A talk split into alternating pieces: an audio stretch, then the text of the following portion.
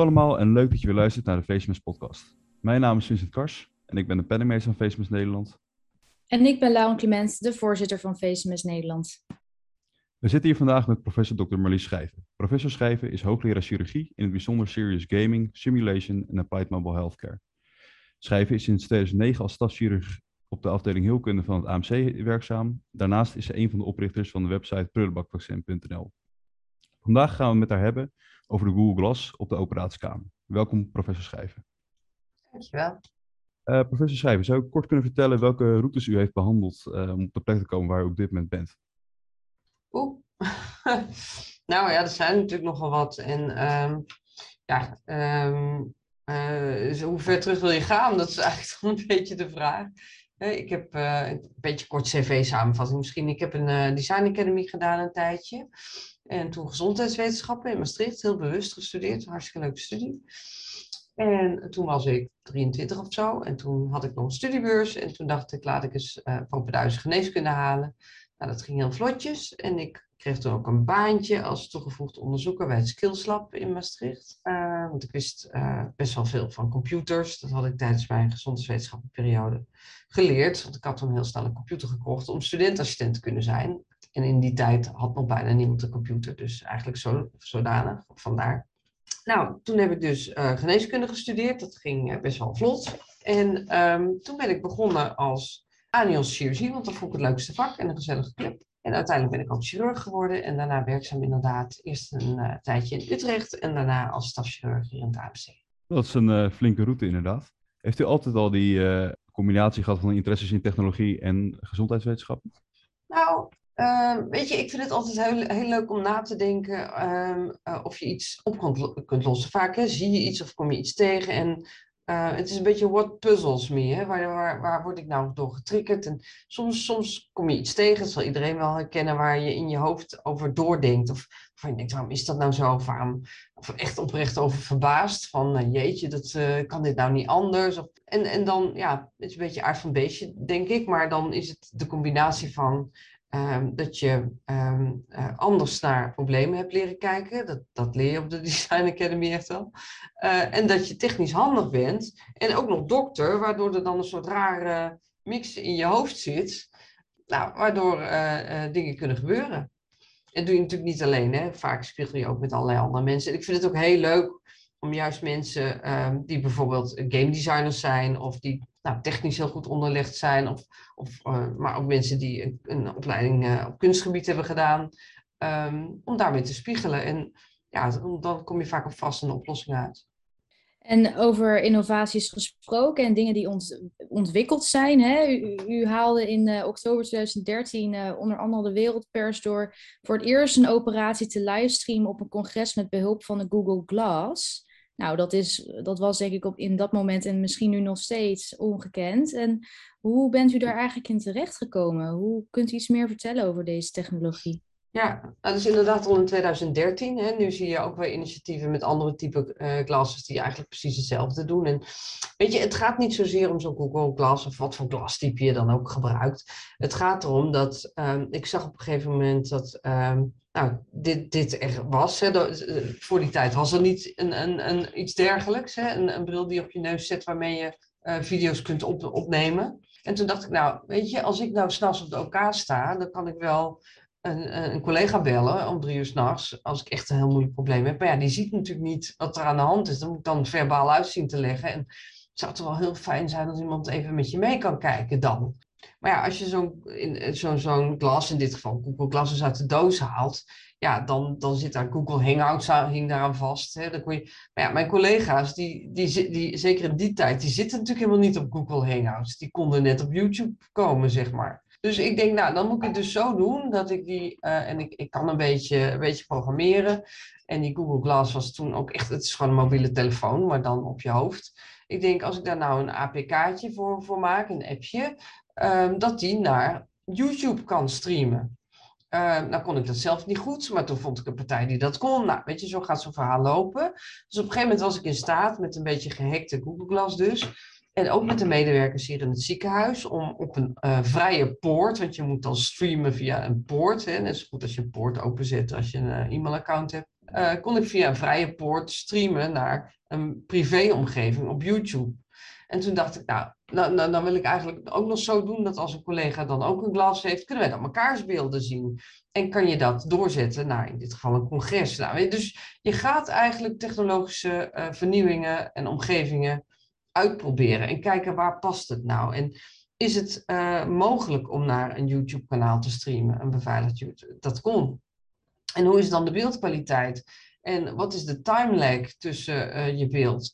En wat je dus bijvoorbeeld zag, wat ik van tevoren helemaal niet had gerealiseerd, je hebt ook, uh, zeker als je op een afstandje staat te opereren en je kijkt naar een monitor, ja, als zo'n cameraatje op de hoogte van je wenkbrauw zit en je kijkt naar die monitor, dan zie je dus in Google Glass het bovenste deel van die monitor en niet het centrale deel van. Nou weet je, dat soort dingen kom je alleen maar achter uh, door het te doen. Dus het is eigenlijk een soort van explorer bijna met een stukje technologie in een, in een werkomgeving die je bekend is. En daar proberen te zoeken waar past het, waar past het niet. Daardoor ga je dus ook nadenken over hoe zit het dan met privacy issues. Kan dit allemaal wel? Moet je wel live willen streamen als je opereert? Want je staat onder meer druk. Ik vergeet nooit meer dat die patiënt, um, toen ik klaar was met het opereren, bel je altijd familie. Ik had dat natuurlijk allemaal uitgebreid besproken met die familie. En uh, die hadden ook die, die privélink. Um, dus die hadden al lang gezien dat ik klaar was natuurlijk. Ja, dus het ging ook allemaal heel goed. Maar je staat toch onder meer druk. En je gaat je toch afvragen, moet ik dat nou wel doen? Kan ik het niet gewoon een video opnemen en dan later laten zien als ik iets wil uitleggen? Is dat niet veel veiliger? Al dat soort vragen vind ik gewoon heel leuk om, uh, en ook heel zinnig om te proberen te beantwoorden. Ja, super interessant inderdaad. Om, om, om, om die eigenlijk die in, interne nieuwsgierigheid die u heeft, uh, op die manier uh, tot uiting uh, te laten brengen. En dus met dit soort ja, kleine dingen te beginnen en dan steeds groter te werken, zoals op een congres. En nou, we zijn nu eigenlijk bijna tien jaar verder. Hoe staat het er nu voor met wat u op dat moment ja, die Google Glass ligt prachtig in mijn kast. dus is het natuurlijk een soort museumstuk uh, inmiddels. Kijk, weet je, um, Google Glass heeft natuurlijk heel veel. Um, het is het, uh, enorm gehyped in het begin ook. Hè? En het, um, je zag mensen met glasses in, in cafeetjes zitten. En mensen werden voor glassholes uitgemaakt. En mensen dachten van, goh, je wordt gefilmd op straat. En, nou, weet je, maar dat krijg je als je een nieuw stukje technologie uh, introduceert in, in het leven, waar mensen gewoon van uit moeten vinden van wat vinden we er nou eigenlijk van. Ja, dat krijg je alleen maar als je dat gewoon uh, doet, want van tevoren weet niemand het antwoord. En weet je, ik denk in de zorg um, heeft het zeker waarde. Je ziet het ook nog steeds gebruikt worden in bijvoorbeeld wondzorg. Hè, waar mensen bij thuisverpleging een Google Glass of een ander type glas, want er zijn er inmiddels vele, uh, opzetten en dat iemand mee kan kijken. Het is ook een tijdje op de ambulance ingezet, waarbij in het ziekenhuis al meegekeken kon worden van wat, wat gebeurt er nou in de ambulance. Maar ja, weet je, het is best kwetsbare apparatuur. Uh, je moet het zeker privacy technisch heel goed afspreken. Dus uh, Google Glass, uh, zeg maar, in de, voor de consumentenmarkt heeft het niet gehaald. Nog steeds kun je Google Glass, weten veel mensen niet, kopen um, uh, in een bedrijfsoplossing. Glass for Work heet dat. En er zijn dus ook bedrijven die bijvoorbeeld bij automonteurs die auto's assembleren, die dus met Google Glass precies kennen wat moet naar wat en wat moet. dus het wordt zeker gebruikt en ook in, een veel verdergaande versie dan destijds voor de consumentenmarkt verkrijgbaar was. Maar voor de consumentenmarkt hangen te veel privacy issues aan. Het was eigenlijk te vroeg uh, dat zie je vaak met uh, innovaties, in de zin van dat het hele kader eromheen niet goed afgesproken was. En uh, ja, het eerste product vangt dan ook de heat, zo is het gewoon. Want je hebt natuurlijk nog steeds Snapchat-brillen en Facebook heeft nu ook weer een bril uh, die eruit ziet als een zonnebril, samenwerking met Ray-Ban, waardoor je ook gewoon met een camerabril op kan lopen. En, dus er zijn allerlei afgeleide producten die je gewoon kan kopen. Alleen Google Glass kun je niet meer gewoon als oh, commerciële, nou, voor de commerciële markt krijgen. Wel dus nog voor Glass voor. Ja, nee, dat heb ik in, wij natuurlijk ook best wel meegemaakt dat het in het begin heel werd gehyped en nu zie je er helemaal niks meer van. Ik uh, denk dat het bij heel weinig van ons uh, bekend was dat je het nog steeds kon verkrijgen. Als we dan gelijk even terugkomen op die toepassingen. We hebben natuurlijk ook een beetje gekeken van tevoren voor dit gesprek waarvoor het zo nu dan wel wordt gebruikt.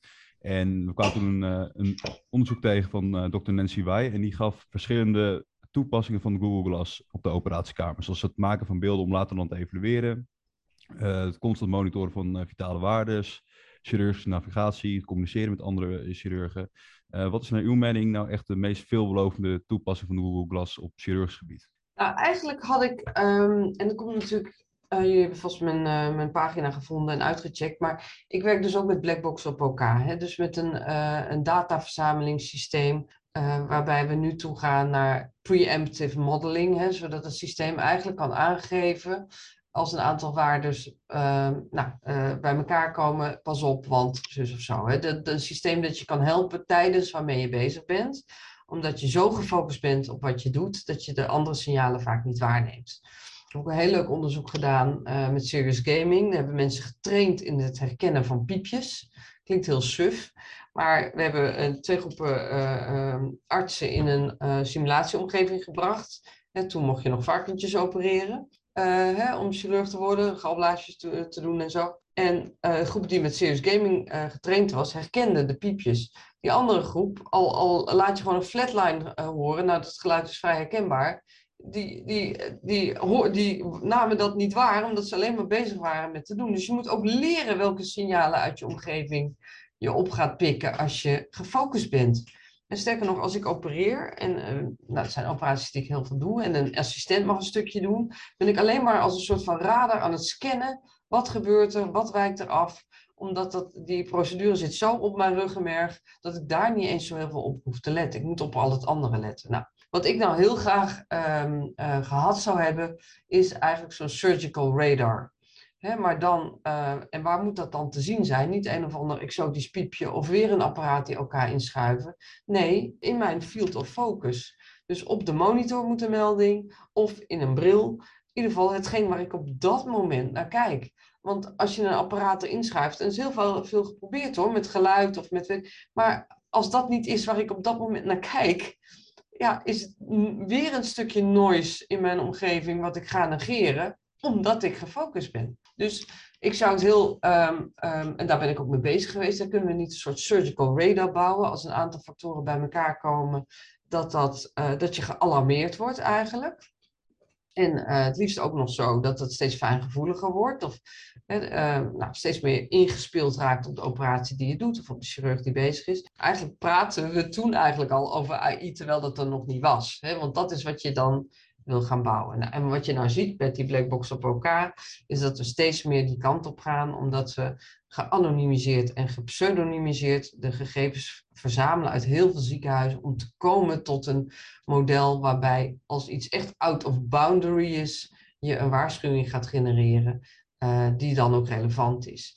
En als je dat dus kan combineren doordat je het in je glas of in je monitor zet, dat maakt mij echt niet uit. Sterker nog, ik denk dat het in de monitor misschien nog wel het makkelijkst is.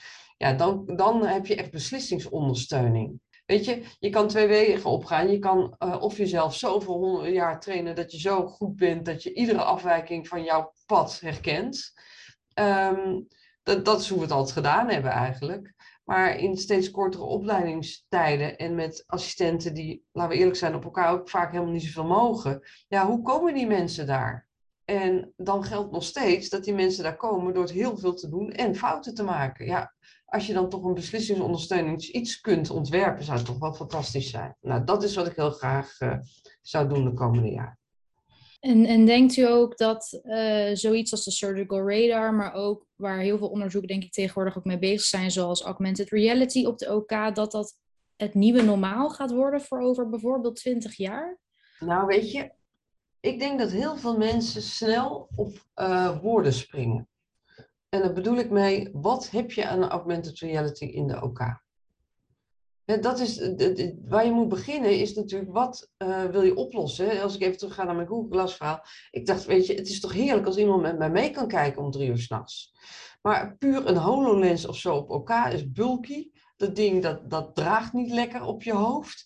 Uh, het vertekent ook nog, want het heeft een ander kleurenspectrum. Hè? Die, die bril is niet wit. Weet je, wat wil je ermee? wil je anatomie laten zien? Ja, eh, dat, ik bedoel, als je in de buik bent, dan zie je die anatomie wil je een overleen van een plaatje, want dat is wat vaak uh, aan gedacht wordt, dan moet je die DICOM-data van die patiënt inladen in die bril en die patiënt moet volledig gefixeerd zijn en geen ademhalen. Of je moet uh, puur een been vastzetten en een bot op het hoofd fixeren. En dan nog, die chirurg beweegt ook zelf. En heel veel mensen beseffen zich dat gewoon niet. Die denken, oh, AI in de OK, weet je. Dat, ik, ja, misschien moet je, moet je dat helemaal niet willen. Of je moet heel goed definiëren wanneer is het van waarde. En wat voegt het dan echt toe boven wat je al hebt? Want we hebben al heel veel. Dus ja, op zo'n manier probeer ik altijd te denken, niet om AI uh, of om augmented reality af te vallen, helemaal niet. Want het, het, maar het is voor mij een spectrum. Hè? Alles wat, wat uh, tussen de manier waarop we het nu doen, virtual reality, mixed reality, uh, augmented reality. En daar komt ook nog eens bij, het moet zich wel op een of andere manier terugzien te verdienen of te betalen. Hè? Het moet echt het werk van de chirurg beter, aantoonbaar beter maken. Uh, of de chirurg moet er op een andere manier heel veel baat bij hebben. Want wie gaat het anders betalen en vergoeden? En dan blijven het experimentjes. Kom je ook niet zo... Ja, is leuk.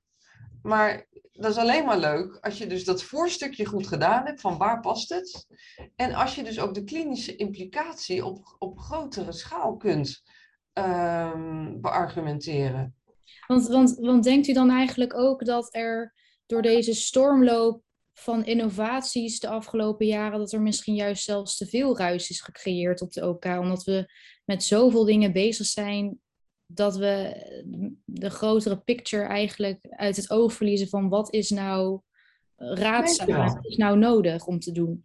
Een beetje wel. En dat komt ook, weet je, een OK is natuurlijk een omgeving die ook industry-driven is. Hè? Je, je, kan je dag vullen met mensen die langs willen komen met de nieuwste versie van een disposable, zeg maar. Hè? ik denk sowieso dat we daar in deze tijd waarin we ook heel veel verspilling en waste hebben op elkaar, daar echt even naar moeten kijken.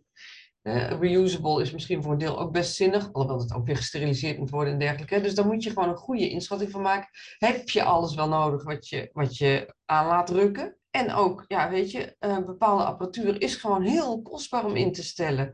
Dan kan je best argumenteren Um, het is voor de chirurg fijn, of een chirurgopleider is hartstikke duur. Als hij wat langer uh, geen hernia krijgt, is het ook lekker om met bepaalde apparatuur te werken. Maar, maar denk er in ieder geval over na. En ja, weet je, we zijn met z'n allen op elkaar, ik ook, hè? net zo goed. Heel snel gecharmeerd van iets moois, iets nieuws, wil ik ook proberen enzovoort. Uh, in zekere zin moet je dat ook hebben, want daar wordt de zorg beter van want daardoor innoveer je ook. Maar het moet wel, uh, het moet niet zo zijn dat je een soort snoepwinkel hebt. En uh, dat Pietje een mooiere etalage heeft dan Klaasje. En ja, dat is natuurlijk wel ook wat er gebeurt. We hadden het aan het begin natuurlijk over de Google Glass die uitkwam. En dat er toen te weinig toepassing voor en dat het toen heen wordt afgeschreven voor consumenten. Ik kan me voorstellen bij het ontwikkelen van technologieën voor de Google Glass dat er heel veel uitdagingen bij komen kijken. Zoals privacy uh, waar je rekening mee moet houden en inderdaad die vertraging noem maar op. Maar ziet u dit dan ook als de grootste uitdaging? Het voorkomen van onnodige dingen? Laat ik het anders zeggen. Kijk, door dat Google Glass verhaal zijn we toen we hier die blackbox op elkaar zijn, uh, hebben geïntroduceerd. Ik geloof in 2015 of 2016 zoiets, ik weet niet eens precies. Maar toen hebben we heel sterk, juist omdat ik met het Google Glass verhaal bezig was, meteen vanaf het begin gehamerd op privacy by design dus als je mensen op elkaar opneemt, dus ook de medewerkers, moet het al bij opname gebeuren dat die gezichten gescrambled zijn. Geen postprocessing. al bij opname moeten stemmen veranderd worden. Dat je, uh, je wil gewoon niet dat iemand op YouTube eindigt. uh, om zo maar, want alleen dan kunnen mensen ook veilig naar zichzelf terugkijken. Um, en hoe ga je dat inrichten? Hoe, hoe doe je dat met VPN-tunnels? Dus ja, door, dat is natuurlijk wel hoe het werkt. Hè? Doordat je met, met, met technologie bezig bent, kun je ook veel beter een body of evidence maken, wat je voor een volgende innovatie kunt gebruiken, moet gebruiken. Als we dat niet gedaan hadden, hadden wij onze medewerkers niet bloot kunnen stellen aan een, aan een blackbox. Ja, zo, zo grijpt iets in elkaar. En dat, dat is wat ik doe als, als hoogleraar eigenlijk. Ja, en, en, en de Google Glass is natuurlijk niet het enige project waar u zich onwaarschijnlijk mee, eh, waarschijnlijk mee bezig heeft gehouden. Wat is in de laatste jaren nou het project of de innovatieontwikkeling waar u mee bezig bent geweest, waar u bijvoorbeeld het meest trots op bent? Oeh. Nou, misschien wel een hele, klein, een, een hele uh, simpele. Ik zou, heel veel van wat ik doe of zie is helemaal niet van mezelf. Hè? Dat heb ik ergens gezien of vind ik interessant en ik ga kijken of het past. Nou, toen zag ik ergens, ik weet niet eens meer waar, op een gegeven moment een foto van een anesthesist met een stickertje op zijn cap met zijn naam. En toen dacht ik, briljant, want ik ben dement op een operatiekamer. Uh, nou, anders ook eigenlijk wel een beetje. Zeker voor namen. En in zo'n groot bedrijf als dit uh, loopt van alles op die OK. De OK-verpleegkundigen wisselen ook. Je hebt koos en je weet, nou, en ook nog mensen met smoeltjes en schiet mij maar lek. Weet je, en wat je dan krijgt is dat je dan over die doeken heen staat te brullen naar elkaar. Hé, hey, ja. En dan moet je maar hopen dat iemand je hoort of antwoordt. En dan wordt het op een gegeven moment, als je voor de derde keer roept, roept iemand ook nog heel geïrriteerd. Ja, ik hoor je wel, weet je wel. Dus ik denk, dit moet toch echt beter kunnen. Dus ik denk, weet je wat, ik, ik, uh, ik, ik, doe een poging. Ik schrijf voor de, um, dat was toen nog AMC Veiligheidsprijs. Klein prijsje, ik geloof 500 euro. Maar wel met um, um, nou, zichtbaarheid. En het kwam op het intranet. En toen kon ik dus van die rollen bestellen met stickers. Operateur, OK. Nou, die hebben we opgehangen in het begin verklaarde iedereen me voor, voor gek. Dat ik als chirurg zijnde, hoogleraar notabene, met een sticker op mijn hoofd ging lopen. Um, gelukkig had ik wel de co-assistent een beetje mee. Ik zeg, ah, doen jullie dat nou ook? En een paar collega's. En een week later stond toevallig onze raad van bestuur op elkaar. En toen heeft onze OK uh, uh, bedrijfsvoering ook daar een stickertje op de kip geplakt. Van ja, dat doen we tegenwoordig. Dus ik had een foto met het, uh, de governance van ons bedrijf, de raad van bestuur, met een uh, stickertje op zijn hoofd. Nou ben ik heel actief op social media. Dus ik post zo'n foto. Nou, heel lang verhaal. Nu heeft iedereen een stickertje op zijn hoofd. En het is heerlijk, weet je. En dat zeggen mensen ook. Want uh, je hoeft niet meer te gillen. Je zegt, Marietje, kun jij voor mij zus of zo? En weet je, en dan, weet je, het, het gaat niet om, om, om, om technologie aan zich. Of om iets duurs. Of, het gaat erom, denk ik, dat je ergens iets ziet waarvan je denkt, maar waarom is dit zo? Of waarom heb ik hier, hier last van? of je komt iets tegen en je denkt, nou, dit is toch een heel goed idee. En dat je dat, dat, dat, dat niet aan je voorbij laat gaan. Dat je dat ook doet natuurlijk, aan jezelf en aan anderen. En, dus daarom is uh, subsidies en prijsvragen en dat soort dingen meedoen heel zinnig. Want je scherpt jezelf. Maar het is een bepaalde, ja, ik weet niet zo goed hoe ik het uit moet leggen misschien, maar een, ik, ik, zie jullie knikken, dus waarschijnlijk komt het wel over. maar het is een manier van creatief denken en eigenlijk steeds uitpellen tot de kern van waar, waarom wil ik dit, waar gaat dit over? Waarom, waarom vind ik dit interessant? Waarom, waarom jeukt dit? Met een uh, analytische blik om je heen blijven kijken om zo te proberen om de zorg verder te helpen. Ja, en ook echt gewoon verwonderen en dat ook uit durven spreken. Weet je, als er tien vingertjes omhoog gaan bij ja en eentje bij nee, is die ene bij nee interessant. Precies, want over creativiteit gesproken, u zit uh, niet stil uh, volgens mij. U zegt zelf ook, ik ben hartstikke druk. Maar nu met COVID en de pandemie en dat de OK's ook weer allemaal uh, afgeschaald worden, zag ik toevallig dat u iets anders had opgezet, namelijk het prullenbakvaccin.nl. Kunt u daar iets over vertellen en hoe dat nou tot stand is gekomen? Want ik vind dat bijvoorbeeld super interessant dat u dat heeft opgezet zo. Ja, dat kan ik wel, Laura. Um, ja, ook daar weer. um, ik zag dus een foto op Twitter, want ik ben actief op social media. Maar ik zag dus een foto van een prullenbak uh, met uh, vaccinspuiten. En dat was een, nou, best wel aan het begin van de pandemie. En toen dacht ik, wie flikkert er nou toch zijn spuiten weg? Dus dat is de eerste ingreep. Dus ik ging dat lezen, dat berichtje. En dat was van een huisarts die zei, ja, dus dokters zijn natuurlijk best wel pragmatisch. Die had dus een hele batterij spuiten opgetrokken. Had hij natuurlijk in de retrospectroscoop niet moeten doen, maar zo zijn dokters. Die verwachten dus, die had netjes zijn praktijk, al die lijstjes afgebeld, op volgorde van leeftijd en zo. Maar mensen kwamen niet. En die mensen kwamen niet omdat die mensen bang waren geworden van de wisselende berichtgeving rondom AstraZeneca. de ene keer wel, de andere keer niet. En je zou er weet ik veel wat allemaal van krijgen. Nou, natuurlijk ook een beetje beleid uh, in de media geweest. En misschien ook wel van de overheid, die gewoon geen vertrouwen meer inboezemde. En mensen kwamen dus gewoon niet. En die huisarts die was echt gewoon ondaan dat hij al die spuiten weg had moeten gooien. En uh, kun je van alles van vinden. Of het nou uh, moedig was of niet, of stom. Maar in ieder geval die foto gepost. Nou, dat zag ik. Dus ik op LinkedIn. En toen zag ik ook een berichtje van een huisarts in opleiding. Die echt zei, ja, dit kan toch niet? En toen dacht ik, nou weet je, dan ga ik een postje schrijven. Van, uh, hoe kan dit nou? en toen dacht ik, is er nou niet een... een, een, een nou, nou maak ik zelf ook websites, maar ik heb het nog wat druk inderdaad. is er niet iemand die ons kan helpen om te voorkomen dat deze spuiten in de prullenbak belanden. Um, wie helpt ons met dit prullenbakvaccin? Dus daarmee had ik gelijk die, die term te pakken. En um, dat kreeg ik dus inderdaad via, via LinkedIn een berichtje van Anees Saban. Van de, de banden vergelijken. Wie kent hem niet? Ik ken de hele Anees niet. Nou, toen heb ik dus op een vrijdagmiddag heb ik Anees gebeld. Ja, een, een beetje uitgecheckt. Ik denk, nou, wie kan dit inderdaad? Toen heb ik um, die huisarts op LinkedIn gebeld. Die zich verbaasde, net als ik, over die foto. En degene die die foto gepost had. En ik zeg, nou, doen jullie mee? Dan gaan, we, dan gaan we een website maken. Prullenbakvaccin. Het is voor huisartsen. Ik ben chirurg. Ik heb dit wel bedacht en gesignaleerd. Maar het is jullie pijn. eh, van het afbellen van al die lijsten van mensen en het weg moeten gooien van die, van die spillage. Nou, Bernard Leenstar kende ik van Clubhouse. Uh, en Bernard zei, ik doe mee. En uh, toen heb ik Marco gebeld. eerst een DM'tje via Twitter, want ik had, ik, ik, had helemaal geen nummer van Marco. Die deed ook mee. En toen hebben we dat in een weekend in elkaar geklust. En op maandagochtend om tien uur live gezet. Nou, ik geloof drie uur later waren we trending. Uh, uh, hing uh, hoofdpersvoorlichting aan de lijn van wat gebeurt hier. Allerlei kranten. Bo die wilde iemand hebben in zijn programma. En, maar ja, ik kreeg ook wel een, een telefoontje van VWS. Want daar werk ik ook als Chief Medical Information Officer. En die snapte dat natuurlijk niet. Je moet je voorstellen, bij VWS zitten heel veel mensen. Maar ook heel veel mensen met een juridische achtergrond of mensen met een communicatieachtergrond. En die dachten dus dat wij vaccins aan het verhandelen waren. Die hadden het helemaal niet goed gelezen. Of dat wij een petitie gestart waren. Dat is allemaal gewoon helemaal niet waar. Dus toen kwam er nog meer reuring. Ja, nou ja, in ieder lang verhaal kort. Dus uh, uiteindelijk hebben we gezegd, nou Bernard, ga jij nou bij uh, Bo zitten? Want het is een verhaal van de huisarts. Kun jij tien keer beter uitleggen die pijn dan ik. Ik heb ook een dubbele pet, dus voor mij is het best wel tricky. Ik doe één interview in, ik. Dat heet de chirurg achter het prullenbakvaccin, waarin ik het gewoon uitleg. Dit is op artsentitel gedaan. Als arts vinden wij het niet kunnen dat je spillage in de prullenbak moet flikkeren. Als je het ook op een andere manier kan wegzetten. En wij verhandelen helemaal niks. En uiteindelijk is dat ook goed geland bij VWS. En hebben ze ook gezegd, nou prima, we, leggen het geen strobreed in de weg. En, nou, je moet je voorstellen, die website is in de eerste uh, anderhalve maand 1,6 miljoen keer be bezocht. 1,6 miljoen, is echt bizar. Het gaf ook een andere draai aan het vaccineren. Dat heel veel mensen wilden heel graag het vaccin. Ook als het Astra was. Dus op zo'n manier gaat zo'n balletje rollen. En ja, ik weet niet precies hoeveel spuiten we gered hebben, want we hebben dat niet geregistreerd. Het is aan de huisartsen zelf om dat aan te bieden of niet. Maar het zijn er echt duizenden geweest.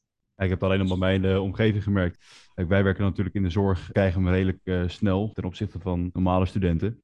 Maar heel veel studenten in mijn omgeving die hebben inderdaad gebruik gemaakt van, uh, van deze site om uh, zo snel mogelijk aan een vaccin te komen. Ja, nu zitten we in de booster-editie. Want we vinden het ook wel een beetje ridicuul dat je moet wachten tot je leeftijd. Terwijl nu nog steeds spuiten de prullenbak in gaat. Dus GGD Amsterdam is nu weer begonnen met het aanbieden van uh, de booster op prullenbakvaccin, weet je. En dat is leuk. Dat is gewoon leuk dat je denkt, weet je, we hebben een weekend iets bedacht voor iets wat iedereen eigenlijk ook niet uitlegbaar vond. Maar je moet het gewoon wel doen. Ja, het creatieve denken en het nieuwsgierigheid, dat heeft zeker, denk ik, bijgedragen in dat u dit heeft opgezet. Wat is nou um, een stukje advies wat u aan ons en aan onze luisteraars als aankomende zorgprofessionals of gewoon mensen die geïnteresseerd zijn uh, in onze podcast zou willen meegeven over innovatie en creativiteit en uh, aan, aan, het worden van een dokter die daar meer bewust van is? Dat is een goede vraag. Weet je, um, wees kritisch en niet om uh, naargeestig te zijn, maar kritisch en analytisch. Waarom klopt iets niet? Wat kun je eraan doen? Wat weet je, dat, dat soort vragen. En mijn motto is altijd heel erg, hè, il faut le faire. Als je het niet kan laten, moet je het doen. Je moet ook niet bang van zijn. Waarom zou je? Waarom zou je ergens bang van zijn? Weet je, je kan hoogstens falen. Nou, dat is niet erg. Maar laat je niet gek maken door allerlei bureautjes coaching, met design thinkers, met gele stickertjes. En dat heeft voor mij niets, maar dan niets met innovatie en oplossingen en, uh, te maken. Vaak wordt creativiteit als een soort knuffelwoord gebruikt. Net zoals innovatie dat eigenlijk ook wordt gebruikt. En dan krijg je weer van die oeverloze heidagen sessie. Marcel Levy geeft er laatst een heel mooi stukje over. Ja, weet je, dat ik echt denk, uh, ook met vergaderen, als je niet uit kan leggen in 45 minuten, ja, stop er dan maar mee. Weet je, de, die cultus van, van doodknuffelen en, en maar vergaderen om het vergaderen en, en de zoveelste creatieve sessie, daar kan ik niet tegen. Uh, en heel veel mensen, denk ik, toch beschouwen dat als innovatie of creativiteit. Of je zal mij ook niet uh, uh, mee zien doen aan hackathons. Er is nog nooit, bij mij weten, uit een hackathon nou iets heel slims gekomen of zo. Het is voornamelijk leuk. Dat is ook prima, maar, maar, maar zeg dat dan, hè? Uh, ik ken geen commercieel product, een app of wat dan ook, dat op die manier goed, goed is gemaakt en over nagedacht. Wel zijn mensen daardoor bij elkaar gekomen en heeft het een netwerkfunctie. Maar benoem het dan zo. Hè? Maak dan een soort van creatieve, maar ga iets, niet iets benoemen wat, wat het niet is. Dat levert teleurstelling op, gaat veel geld in verloren. Ja, is het zinnig? Nou ja, dat, dat, dat zou ik mensen wel een beetje mee willen geven. Van wees analytisch en kritisch en verspil je tijd niet ga niet omwille van de mores 2,5 uur bij een vergadering zitten ja knikken en, en post plakken. Dan kun je wel be wat beters doen met je tijd. Word je ook niet blij van. En inderdaad, gewoon blijf proberen. Falen is niet erg. Zo is het. Ik denk dat dit een uh, hele mooie noot is om uh, dit gesprek mee af te sluiten. Professor Schrijf, ik wil onwijs bedanken voor uw, uh, voor uw inzichten en voor uw adviezen. Graag gedaan. En, aan de luisteraars bedankt voor het luisteren.